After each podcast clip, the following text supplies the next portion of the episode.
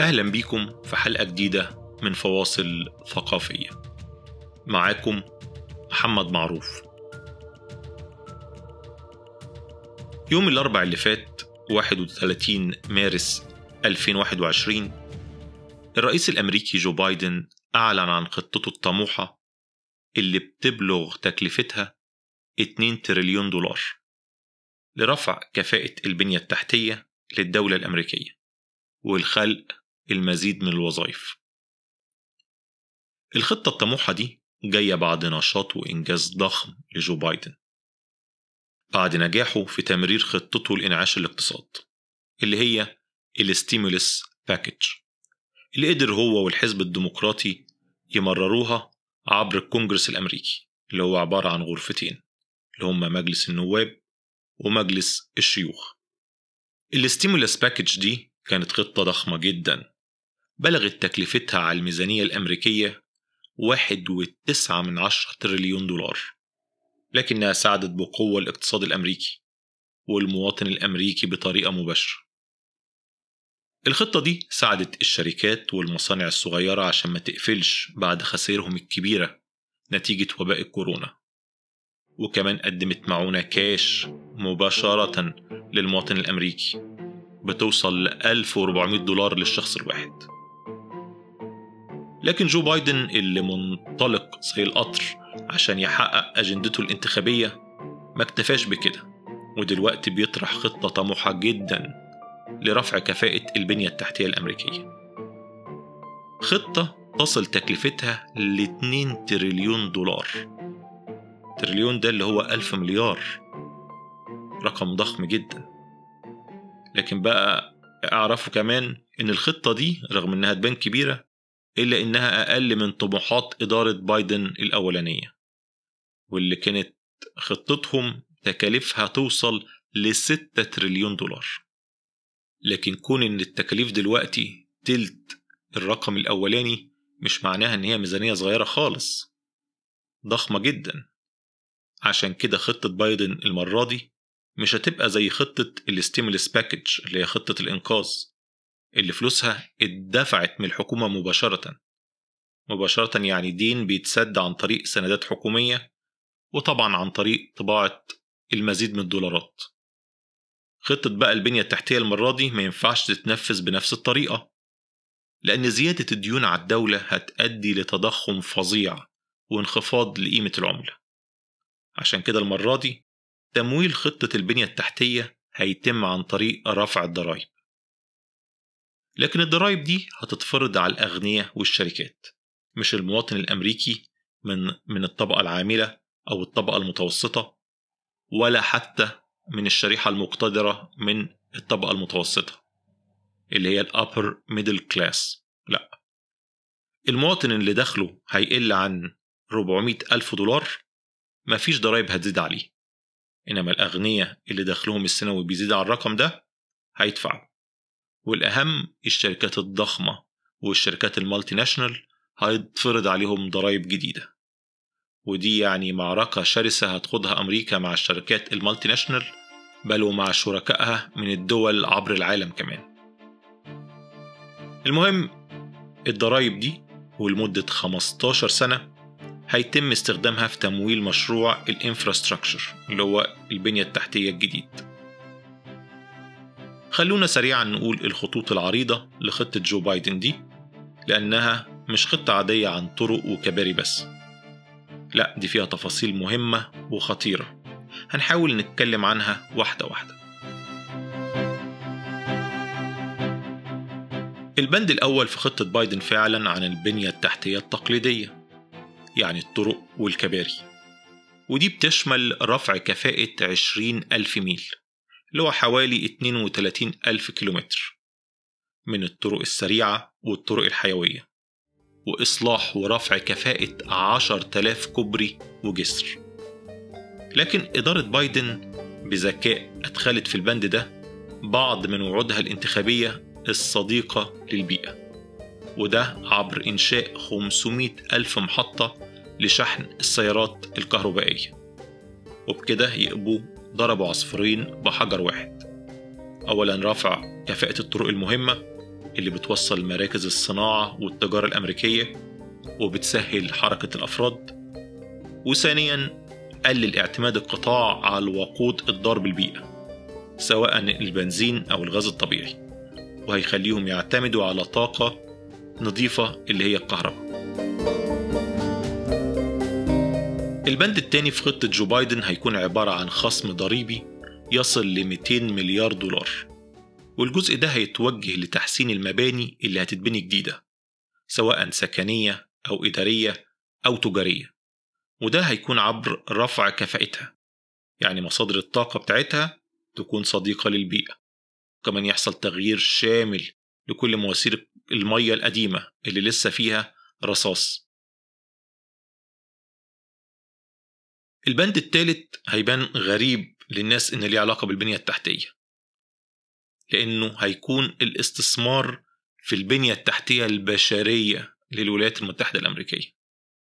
حكومة جو بايدن ناوية تستثمر 500 مليار دولار في القطاع الصناعي خصوصا تدريب العمال ودعم البحث العلمي. والهدف منها هيكون إن أمريكا تقدر تواجه التقدم المهول والسريع في الصين. خصوصا في آخر عشر سنين واللي لعل أهم تجلياته هنلاقيه في تصدر شركة واوي لتكنولوجيا ال 5G في العالم. ناهيك عن صعودهم الصاروخي في مختلف مجالات التكنولوجيا وأهمها طبعا الذكاء الاصطناعي.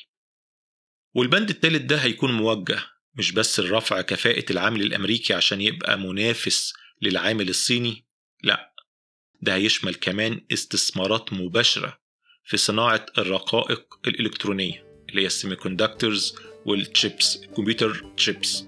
وكمان هيستثمر في صناعة البطاريات المتقدمة اللي هي طبعا بتستخدم في السيارات الكهربائية وغيرها من الصناعات الحديثة. لكن لو كان البند الثالث يعتبر غريب عشان تبع خطة البنية التحتية الأمريكية فالبند الرابع أغرب وأغرب. لأنه معني بالرعاية المنزلية. حكومة جو بايدن ناوية تستثمر 400 مليار دولار في التوسع في الاهتمام بالناس اللي مضطرة تقعد في بيوتها ومفيش حد من أسرتها يرعاها سواء بقى كبار السن أو الناس ذوي الإعاقة. والاهتمام في البند ده مش هيكون منصب بس على الفئة الضعيفة دي لأ ده جزء كبير من المصاريف هتتوجه لرفع أجور العمالة اللي بتخدمهم. إضافة لمميزات كتير تخلي العمالة دي حياتها أحسن ويعرفوا يعلموا ولادهم ويقبلهم طريق إن يبقوا تحت مظلة التأمين الصحي.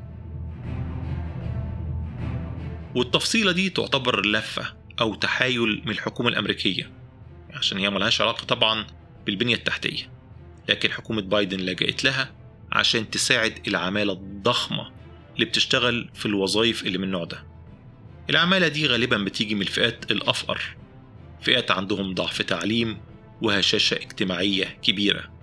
كتير منهم بيكونوا من السيدات ومن العرقيات المهمشة سواء من الأصول الأفريقية أو من أمريكا اللاتينية. فزي ما إحنا شايفين دي خطة طموحة جدا. بس يا ترى هل فيها أجندة سرية لحكومة بايدن غير الأهداف المعلنة دي؟ والله أول حاجة واضح إن جو بايدن بيثبت بسرعة للناخبين بتوعه إن أنا راجل بنفذ وعودي الانتخابية.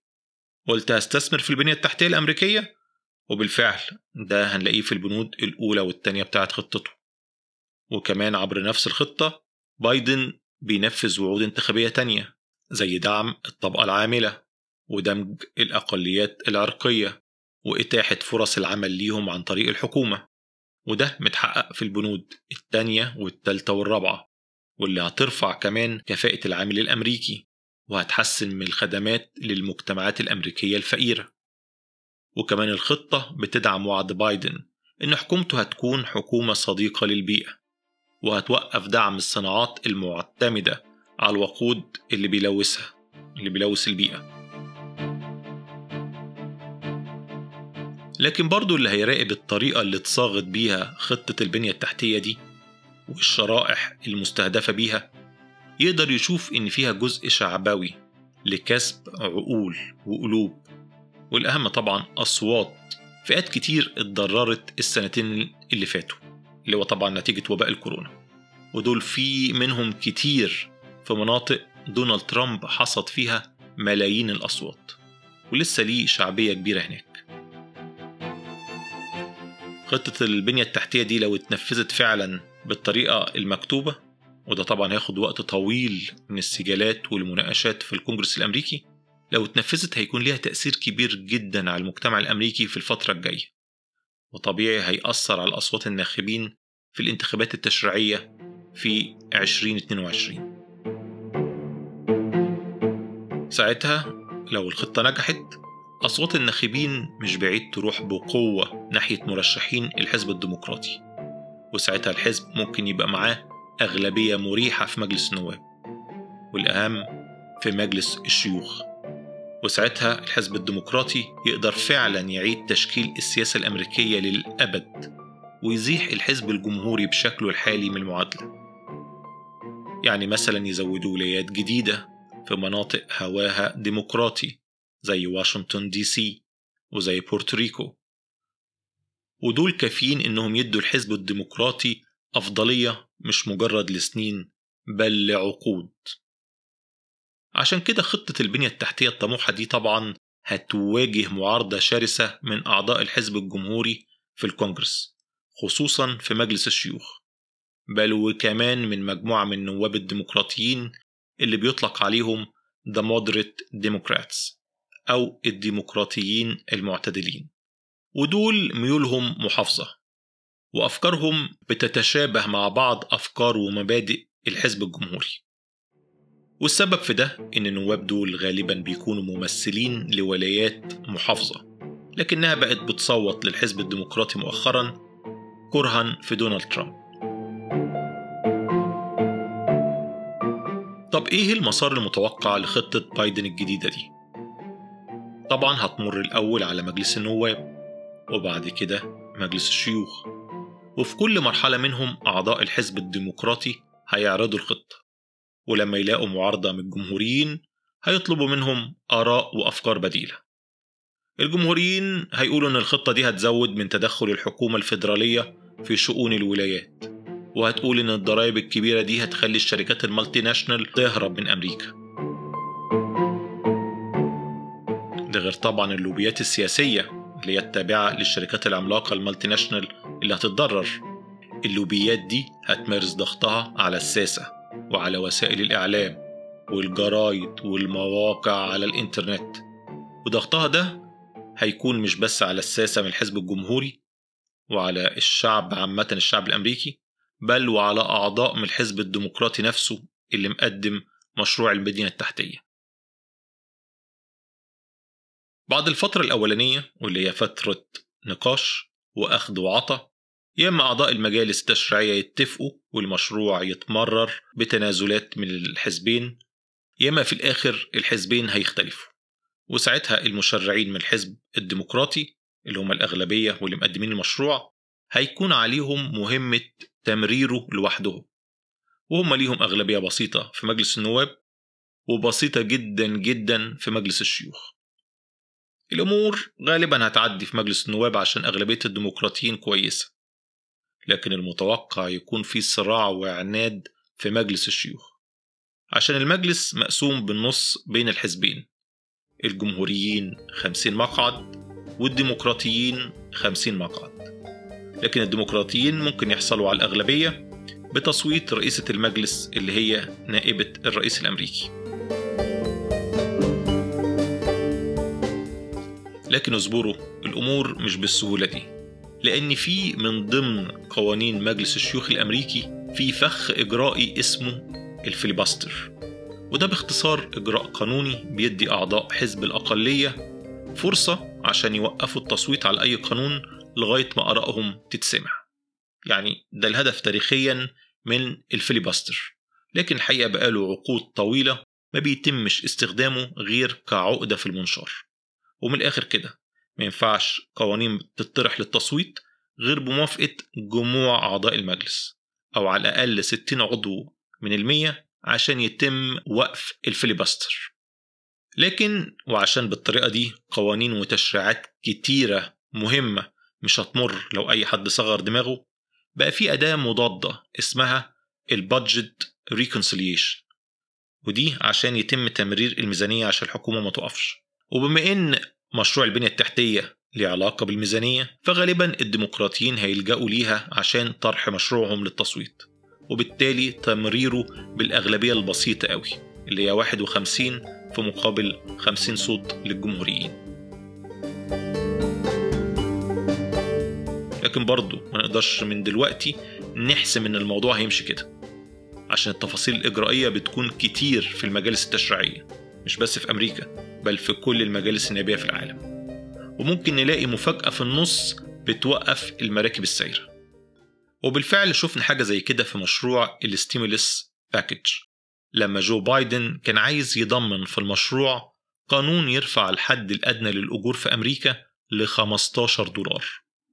لكن تفصيلة تشريعية منعته من إضافتها للقانون. والحزب الديمقراطي ما كانش مستعد لها وما عرفوش يعملوا حاجة لغاية لما مشروع القانون عدى من غير التفصيلة المهمة دي.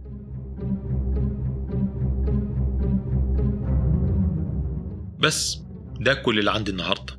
لو عجبتكم الحلقة ياريت تشاركوها على مواقع التواصل الاجتماعي وياريت تعرفوا أصحابكم ومعرفكم بفواصل ثقافية. ولو مختلفين مع أي جزء من محتوى الحلقة ياريت تعرفوني في التعليقات سواء على الفيسبوك أو على اليوتيوب. ولو عندكم محتوى مشابه للي أنا بقدمه هنا في الحلقات اللي بتسمعوها تقدروا تشاركوا محتواكم في منتدى فواصل ثقافية وده جروب على الفيسبوك. وهناك تقدروا تشاركوا المحتوى اللي أنتوا حابينه وتتفاعلوا مع أعضاء المنتدى. شكرا وأشوفكم على خير الحلقة الجاية. مع السلامة.